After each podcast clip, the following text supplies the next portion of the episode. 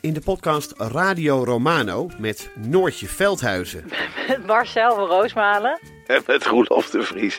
brengen we alle drie elke week een zogenaamde signalering mee. Wat heb jij nou weer bij je? En aan het eind bepalen we wie de winnaar van de week is. Echt een angstcultuur Lege huls die je er bent? Ja, dat gaat eigenlijk altijd onvriendelijk. Luister nu naar Radio Romano bij Podimo. Via podimo.nl slash Radio Romano luister je 30 dagen gratis. En terwijl ik val, zie ik die enorme kop van die beer boven me. In de wekelijkse podcast Echt Gebeurd worden al meer dan 10 jaar mooie, grappige, spannende en ontroerende verhalen verteld door de mensen die ze zelf hebben beleefd. Het regende bommen, dat wil zeggen, om de zoveel tijd ontplofte er een bus. Er zijn al meer dan 400 afleveringen van Echt Gebeurd verschenen. Dit is geen sjamaan, dit is een achterhoeker. Abonneer je nu op Echt Gebeurd in je favoriete podcast-app. Dit is Man met de microfoon en hij woont met Paulien en Wiek een jaar in Sheffield.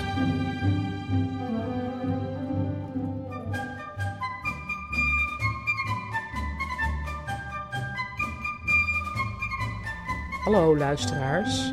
We zitten aan de voorkant van het huis in jouw kamer, Paulien. Ja, Dus soms hoor je een auto voorbij gaan. Maar dat is heel levendig. dat is couleur lokaal. Dat is couleurlokaal. Nou, Chris. welkom. Ja. Ehm, zoals je weet heb ik hier een heel intense hobby opgepakt. ja. namelijk pottenbakken. Ik zit op pottenbakken.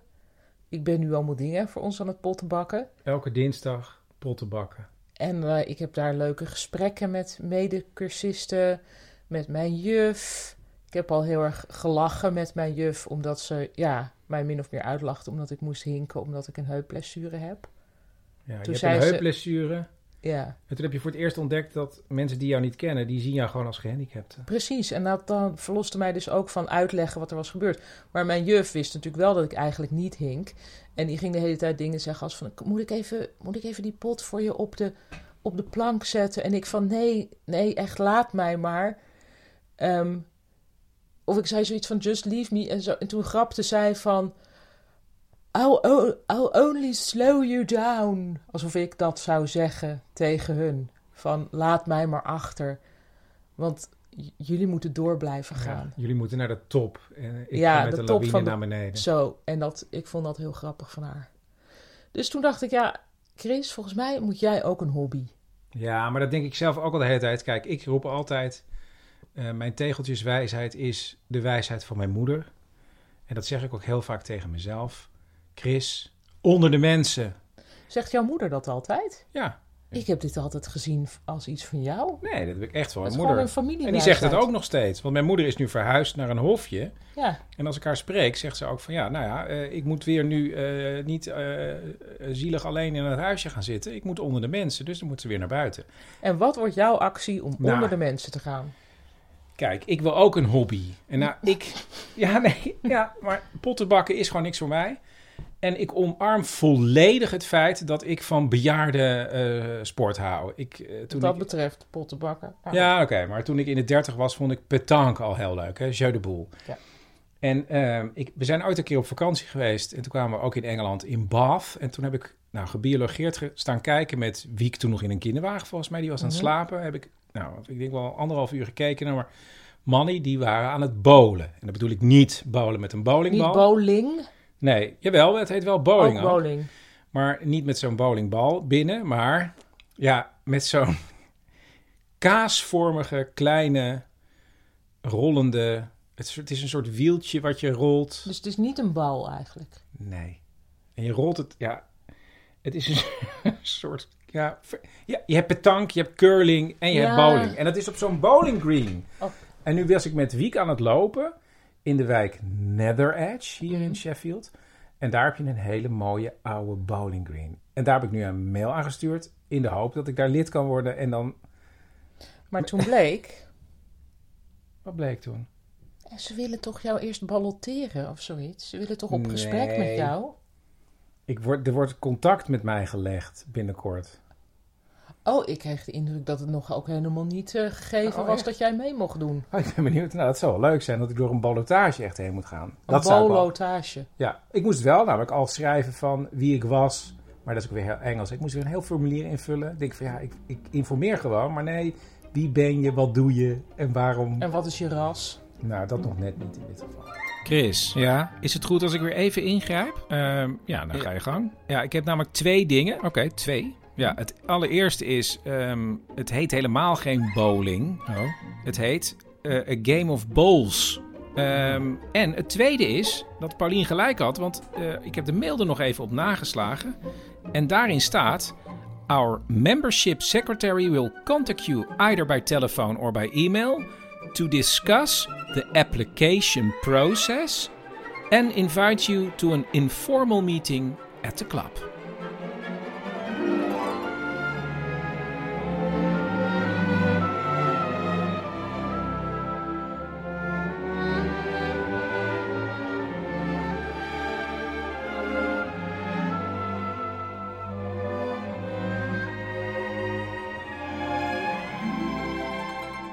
Maar ik ben heel benieuwd ehm, wat daarvan komt. Ik hoop snel bericht te krijgen. Want ik moet onder, Onder de de mensen. mensen.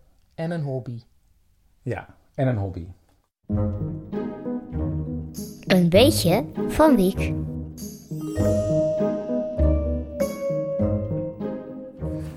We zijn nu net even een rustig straatje ingelopen, want ik heb een weetje. Papa, mijn vader wist niet, ik weet niet. Ik heb het heel vroeg gehoord en ik heb het heel lang onthouden. Dus, ik, dus voor mij is het een twijfel of papa is nou super dom dat hij het niet weet. Ja, of, ja, of ik heb het gewoon gehoord van iemand en dat het voor mij nu voelt alsof iedereen dat weet.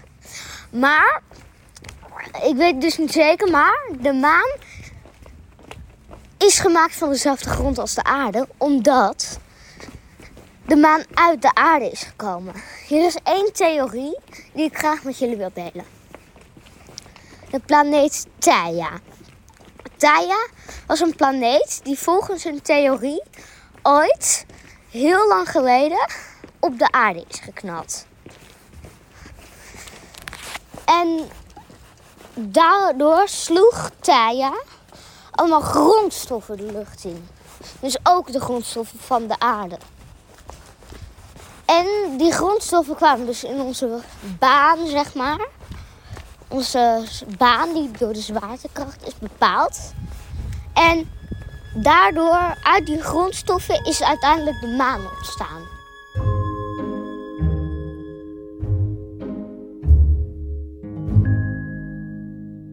We zijn weer naar een soort van genrestuk geweest met Wiek. In het kader van... Jouw verjaardag. Precies. Pam, want jij was afgelopen zaterdag jarig. En toen heb ik al maanden van tevoren kaartjes gekocht voor Peter Pan Goes Wrong. En dat is eigenlijk uit een soort serie theaterstukken waarin alles misgaat. Mensen kennen misschien wel The Play That Goes Wrong. Dat is ook in de Nederlandse vertaling geweest. En ehm, was een geweldig stuk, toch? Dit, Ja, dit Peter was Pan was leuk. echt slapstick, ja. woordgrappen. Heel snel, fast pace. Ja, Heel grappig. lichamelijk ook heel goed. Ik bedoel, het werd echt goed. Dus uitglijden konden ze echt. Ja, Ehm, waar ik ook post hoc ontzettend dankbaar voor was, was dat we naar de Panto waren geweest na kerst. Want er werd ook nog gerefereerd aan panto's. Dus, dus sommige mensen die in dat toneelstuk speelden, zogenaamd vonden dat het wel een panto was, wat ze aan het doen waren, en anderen niet. Dus sommige acteurs moedigden de zaal ook aan om, oh no you didn't, te gaan Oh, yes, you did. om dat te doen. En dan de andere acteur wilde dat juist weer niet, want dit was geen panto. Ja, vooral Captain Hook natuurlijk. Die was Ja. heel boos als er steeds naar hem boe werd geroepen. ja. En eh, het was echt... Maar er zaten hele leuke eh, ja, grappen en grollen in. ja. En ik heb echt heel hard gelachen. En Wiek, die klapte af en toe. Ja, dat, was, dat was voor iedereen leuk. Ja, nou, tot zover dat toneelstuk. Maar dan- een belangrijker toneelstuk is nu gaande. Ja, de repetities zijn in volle gang, want het is al week drie. Ja. En wij vertellen er nu pas over, terwijl we er al vanaf het begin bij hebben gezeten om het te aanschouwen. Ja. Het eh, toneelstuk van Dutch Studies. Onder leiding van Philippe.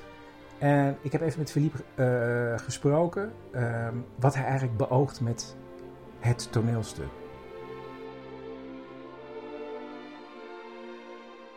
Ik werk al een paar jaar aan het idee dat, dat taal of taal leren per definitie iets communicatiefs is. Eh, iets waar, waar je bij moet samenwerken met, met een andere persoon, want je moet communiceren. En dat die communicatieve ja, inherente kwaliteit van theater is natuurlijk net dat. Um, en ik heb een keer gehad, een paar jaar geleden, toen ik hier net begon, toen deden ze een voorstelling bij Duits. En dan gingen ze een heel stuk maken, ik ben wel vergeten hoe het heette, een komedie. Dat duurde ongeveer twee uur en een half. En die lui hadden dan, heel indrukwekkend wel, maar eigenlijk een heel jaar waren ze bezig geweest met het uit het hoofd leren van die Duitse zinsconstructies. En dan werd er iemand ziek. En dan was er ongeveer niemand die nog kon invallen. Want dat kan gewoon niet, we zijn geen theatergezelschap. Dan vonden ze een vervanger. Dan werd er weer iemand ziek. Dus dat hele ding, ja, dat stortte als een kaartenhuis in elkaar. En toen ik het jaar daarna dacht, we gaan er een voor Nederlands doen. Toen dacht ik, ik wil iets wat zo vloeibaar is, dat het eigenlijk niet uitmaakt. Dus gewoon met script op het toneel uh, en we zien wel wat maar dat is natuurlijk de lol van het hele theater eigenlijk ook wel. Dat is, ja, dat Ja, is het dus. Je gaat Ja. er geen lijntjes uit ons hoofd leren. Wat heb je daar nou aan? Dat doe... Spelen. Ja, het. spelen. En het gaat vooral... Die mensen zijn geen acteurs. Die moeten gewoon... Ja, die moeten gewoon vertrouwen vinden. Da- daar gaat het om. En ja, dan zie je... Die groeien op, op vijf weken... Ja, dat doen ze bij Duits op een jaar. Maar dat is... Dat mag ik niet zo zeggen, maar zo voelt het wel. Die stap die ze zetten is, is enorm om opeens voor een publiek te gaan spelen. En ze leren elkaar kennen, verschillende jaren door elkaar. Het is heel goed voor je taal. Maar het grappige is, je gaat natuurlijk ook Nederlands spreken tijdens de repetities, bij de aanwijzingen, bij het doornemen. Ja. Dat bedoel ik. De meeste studenten stude- ze studeren hier twee jaar en dan gaan ze op, op een jaar in het buitenland. En dan wordt dat Nederlands een instrument dat ze echt moeten gebruiken. Wat ik eigenlijk doe, is ik creëer een, een omgeving waar dat Nederlands al een instrument is. Dus eh, er is een WhatsApp-groep ehm, ja, waar wij gewoon met z'n allen in het Nederlands praten. En dan zie je dat zelfs die beginners meegaan. En er zit wel eens een Engels woord tussen. En als het heel dringend is, zal het wel eens in het Engels zijn. Maar het maakt niet uit. Het voelt alsof er een wereld is waarin dat Nederlands gebruikt wordt. En dat is het- eigenlijk de, de grootste kwaliteit van dit project.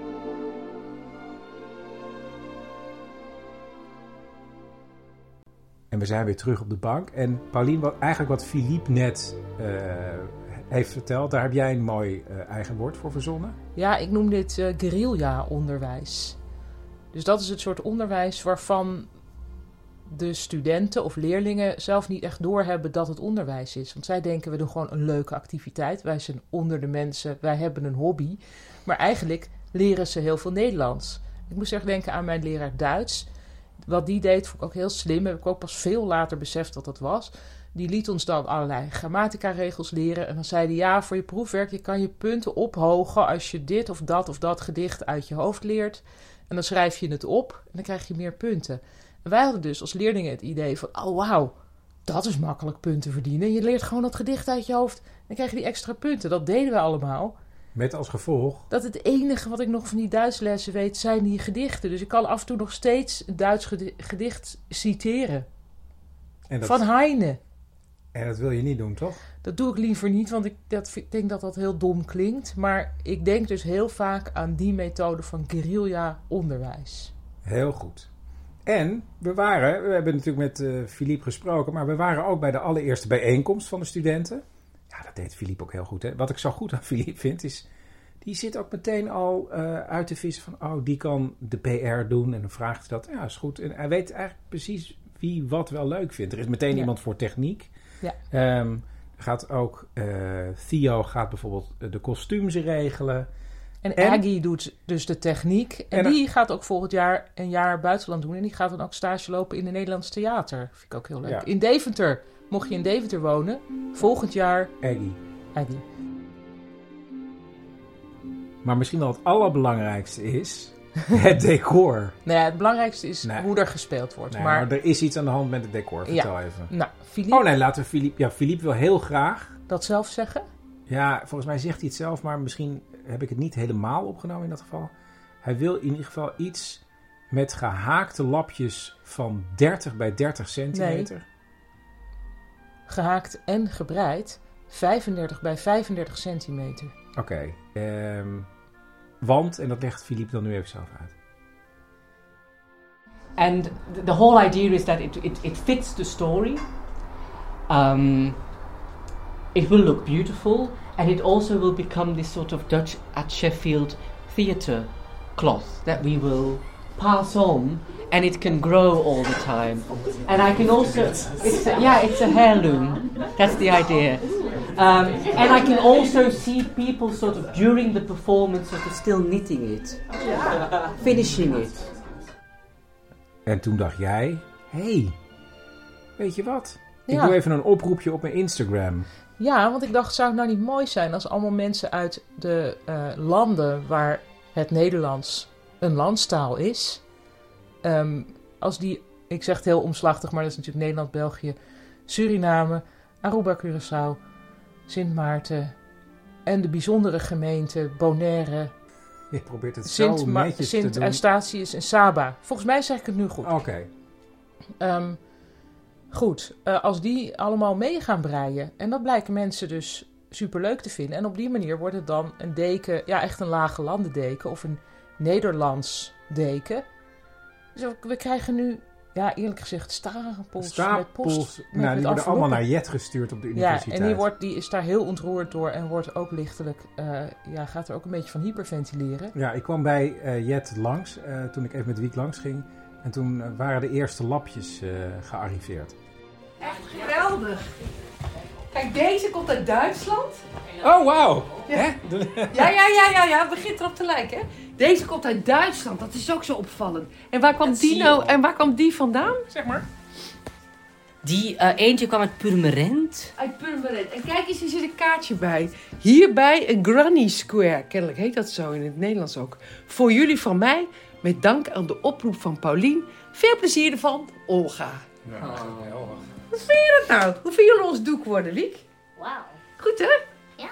Maar dit is al iets van een meter Nou, met ja. twee meter. Ja, zoiets. Ja, zoiets. Maar Je ja, kunt hem voor de dat deur is hangen. natuurlijk nog niet... Als je dit ophangt in een theater, is het een schaamlapje, hè?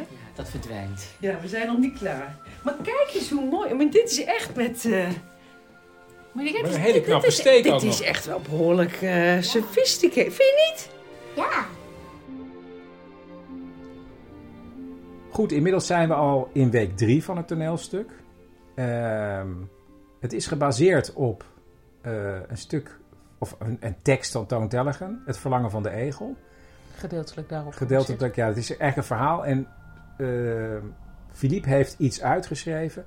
En vervolgens verandert er voortdurend van alles. En wordt er dingen, worden er dingen bijgeschreven. Ja, want iedereen mag daar meedoen. je mag zelf dingen... Hij is dus totaal egoloos daarover.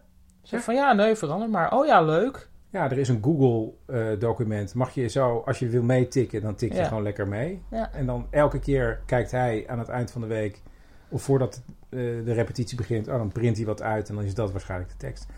Dus ik heb ook nog iets toegevoegd. Eh, iets wat Ah, ja. Engelsen heel raar vinden.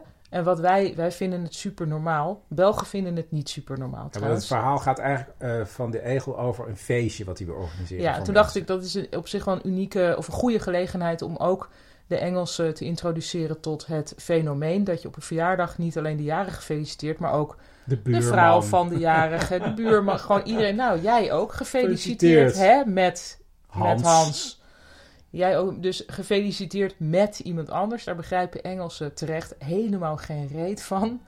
En dat heb ik er nu dan ingeschreven. Dat, is- dat dus, er komen twee muizen op bezoek bij Egel. En die moeten dan ook elkaar gaan feliciteren met Egel. Ja, en ze zitten in een Nederlands kringetje. Ze moeten in een kringetje zitten ook. Ja. En er wordt, eh, nou, er wordt eh, eh, heel eh, hard geoefend. Ja. Er verdwijnen teksten, er gaan teksten in. Iedereen... Wij zitten ontzettend te lachen. Ze Ja, en spelen wij zitten echt heel eigenlijk ook- leuk. Ze spelen heel leuk. Het is heel ontroerend ook. Ik heb met mijn telefoon, niet stiekem hoor, maar wel wat low-key opnames gemaakt. Ehm, het verhaal gaat dus over Egel. Die wil een feest organiseren, maar is daar heel ja, onzeker over. En Philippe die had op, ja, op een hele goede manier gezien dat vierdejaars studente Lottie een perfecte egel is. Jullie zijn een intermezzo in mijn bestaan. but perhaps they don't know what an intermezzo is. misschien weten ze niet wat een intermezzo is. En, en denken ze dat het een, een soort lawaai is. En, en brengen ze trompetten mee en enorme trommels. Oké, tot daar. Ehm, heel In goed, het ja. stuk zoals het nu dus is, want het verandert voortdurend, wordt egel bezocht eh, door andere dieren. En die hebben ja, wel eisen eh, over hetgeen egel aan hun presenteert qua gebak. Kate, Het moet een honingtaart worden. Heel goed. Nee, een moedertaart. Ja, een moddertaart. Moddertaart. Moedertaart. Modder. Modder. Dat is het. Modder. Moddertaart, een. Mustard. No, mud. Mud. Ja, een mosterdtaart. Mustard soup. Ja, oké. Soups. Katie, kun, eh, een honingtaart, top. Het moet een honingtaart. En ehm, er zijn allemaal spelniveaus ook. Ja. Eh, en, maar iedereen gooit zich vol overgave erin. En wij zitten erbij en kijken ernaar en vinden het geweldig, toch? Ja, dat Ja, is- en ik vind het ook heel grappig, dat had jij volgens mij ook. Dus dan hoor je iemand heel goed zo'n Nederlandse zin zeggen. Maar Ah, er ja. zitten ook Engelse zinnen in het stuk. Omdat natuurlijk die zaal, er zitten niet alleen maar mensen in de zaal die Nederlands kunnen. Dus er zit vrij veel ook Engelse vertalingen even snel tussendoor. Zodat de moeder en vader van Charlie het ook kunnen eh, begrijpen. Ja. Nou, dus heel vaak moeten ze ook een zin Engels doen. En wij hadden alle twee dat dachten, oh wauw, wat kunnen zij goed Engels. Want die Engelse zinnen die komen er dan zo... Ja, dat is gewoon alsof je naar een film kijkt. Ja, heel grappig. Nou, dus ehm, wanneer is de uitvoering? Ergens in maart? Vijf? Ja, derde, derde week maart. Derde week maart. En eh, dan is die enorme grote lappendeken ook klaar. Ja, ik ben, ik ben al heel, heel veel vierkanten aan elkaar aan het haken. Ja, nou mooi. Gelukkig heb ik een heupblessure, dus Ja, ideaal voor, voor nuttige handwerken. heel goed. We rijden nu weg van huis. Ik heb mijn heup geblesseerd, dus we kunnen niet lopen naar de universiteit. Chris, we gaan samen lesgeven, hè? Ja, dat klopt. Ja, want ik, het leek me ook wel leuk dat ik iets met die studenten zou mogen doen. En dan vonden Jet en Philippe ook goed. Dus nu gaan we samen iets doen. Wat we gaan doen is, we gaan een paar lessen geven over het maken van een ultrakorte podcast van één minuut. En jij hebt vroeger zelf vaak dit soort één minuutjes gemaakt voor de VPRO toen. Ja, klopt. Daar heb ik zelf een hele verzameling van. En het is een ontzettend goede manier om te leren om compact een verhaaltje te vertellen. En in het begin denk je, hè, kan dat wel in één minuut? Maar dat kan gewoon in één minuut. En we combineren het met iets waar ik dan weer de afgelopen 15 jaar bijzonder veel mee bezig ben geweest. Namelijk echt gebeurd. Dat is eh, een verhalenvertelmiddag waar ook een podcast is, van is. Die heet Echt Gebeurd. Waarin mensen persoonlijke waargebeurde... Nou, ja, ik zeg het zo vaak dat ik het niet meer kan zeggen. Waarin mensen persoonlijke waargebeurde verhalen vertellen. Ehm, ja, dus dat moeten die studenten gaan doen. We hebben vanochtend twee keer een sessie met ongeveer negen studenten. Ehm, het zijn tweedejaars, dus die kunnen nog niet zo heel goed Nederlands als de laatstejaars. En Het is volgens mij, ja, we, zaten, we hebben allemaal dingen voorbereid, maar we zitten ook een beetje met in ons achterhoofd van ja, wat kunnen ze eigenlijk? En hoe goed spreken ze eigenlijk Nederlands? Dus we gaan ook een beetje aftasten hoe dat is. We moeten ervoor waken om niet, wat mijn neiging is, eh, te zeggen... Hey guys. Dus je moet zeggen hey people.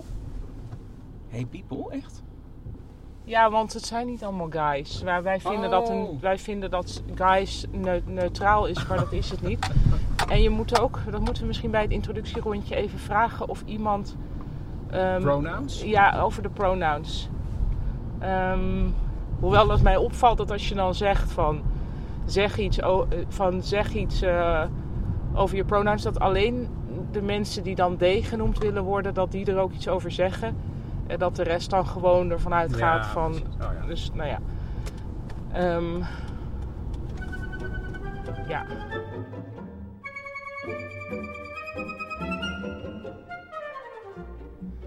Ik heb met heel veel mensen in Sheffield dat ik als je gewoon iemand op straat ziet lopen, dat je denkt dat zou ook een Nederlander kunnen zijn.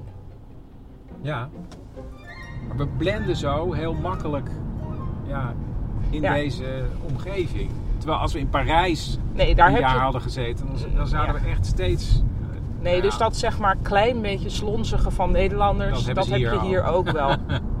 Wat je hier wel meer hebt, is ehm, korte broeken.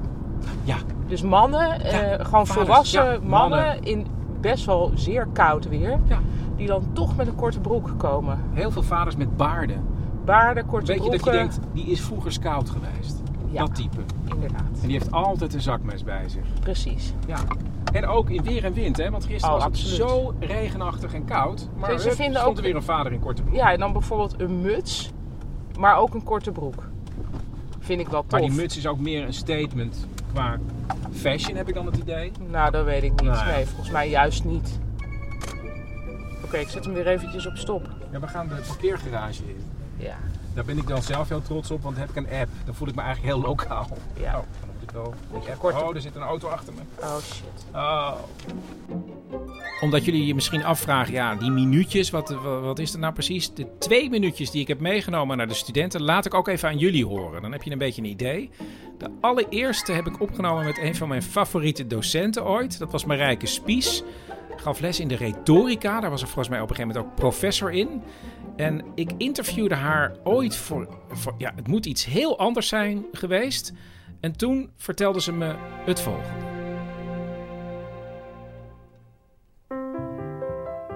Toen ik studeerde. Ja, het waren schatten van ouders hoor, eh, daarnaast. Toen zei mijn vader op een dag: Ik moet ernstig met je praten. En ik kom bij me en zei: Als jij niet gaat sporten, dan betalen wij jouw studie niet meer. Mijn ouders, mijn moeder was toptennisser. Hè? En mijn vader ook trouwens, dat was echt een tennishuwelijk bij ons. Stond het hele weekend in het teken van, van de tennis. En, en dat is afschuwelijk, zou ik je zeggen. Ja? Ja, dat is heel verschrikkelijk. Daar moet je niks. Ik was vijf toen ik al huilend met het racket op de baan stond. En, en altijd van, als je nou maar je best deed, dan kon je misschien wel Wimbledon. Mijn moeder verbood me gewoon om huiswerk te maken. Ga buiten spelen, dat is gezond. Nee, ik wil huiswerk maken. Ja, dat maakte ik natuurlijk geen huiswerk. Dan zat ik gedichten te schrijven of weet ik wat te doen. Dus ik was het huis nog niet uit. Of, ik heb nooit meer sport gedaan.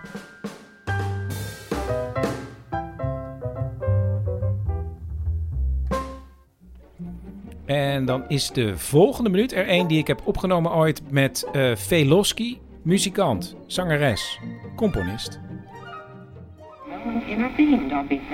Bij ons thuis hadden wij natuurlijk een radio. Ik herinner me dat ik eh, voor het eerst midden in een klassiek concert belandde met de zenderknop en dat ik bleef luisteren. Ik hoorde instrumenten die ik kende, de fluit, de harp, kon me ook wel voorstellen wat dat was. Maar de baas, de onbetwiste baas van dit stuk, leek een wolk. Een, een grote, diffuse wolk die alle kanten op kon zingen en die een soort doorzichtig was. Het was net alsof al die andere instrumenten daaromheen vlogen als een soort ganzen.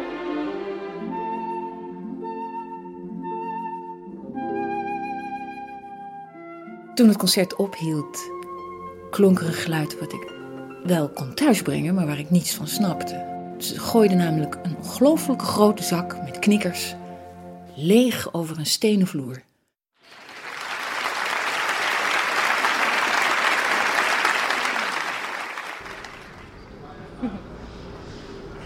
We, hebben nu, we staan buiten. We hebben de eerste twee le- lessen gehad en het was ontzettend leuk.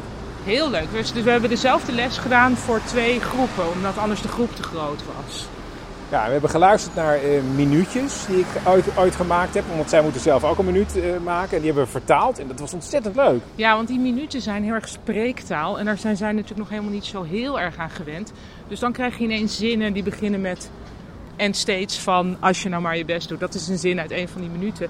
En dan moet je dus eh, begrijpen wat en steeds van Ja, en, betekent. en het grappige is dat je ook denkt van...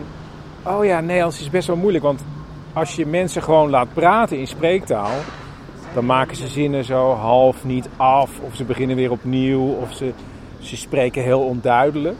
Ja. En omdat ik het nu helemaal had uitgeschreven... en jij had nog wat woorden vertaald... Moeilijke woordenlijstje. Ja. Maar En- zelfs daarbij had ik dingen niet. Bijvoorbeeld trouwens, by the way. Dat kenden ze eigenlijk nog niet als tweedejaars. Dus dat was lastig. En ook een geluid dat ik kon thuisbrengen. En zei van, bringing a sound home. Heel, heel lastig natuurlijk. Ja. En toen heb jij nog gezegd... nou, volgende week moeten jullie eigenlijk ook al een beetje eh, kunnen monteren. Dus Ze moeten een beetje gaan rondspelen met een... eh, dat is volgens mij een anglicisme trouwens. eh, met een montageprogramma. ja. Maar de kop is eraf. En eh, Nu mogen we lekker gaan lunchen. ja. Daar kan jij altijd van genieten, hè? Van eh, het toewerken naar een lunch. Zeker. Dit was het weer voor deze week. Dit was het voor deze week. We zijn volgende week weer terug. Ik ben heel benieuwd of jij al contact hebt gelegd met de bowling, met de bowlingclub. Ja, tegen nee, tijd. zij moeten contact met mij weer opnemen. Ze zullen binnenkort contact met mij opnemen. En dan kijken we of we door de ballotage heen komen. Oeh, spannend. Luister volgende week weer naar Maar met microfoon in in Sheffield. Sheffield.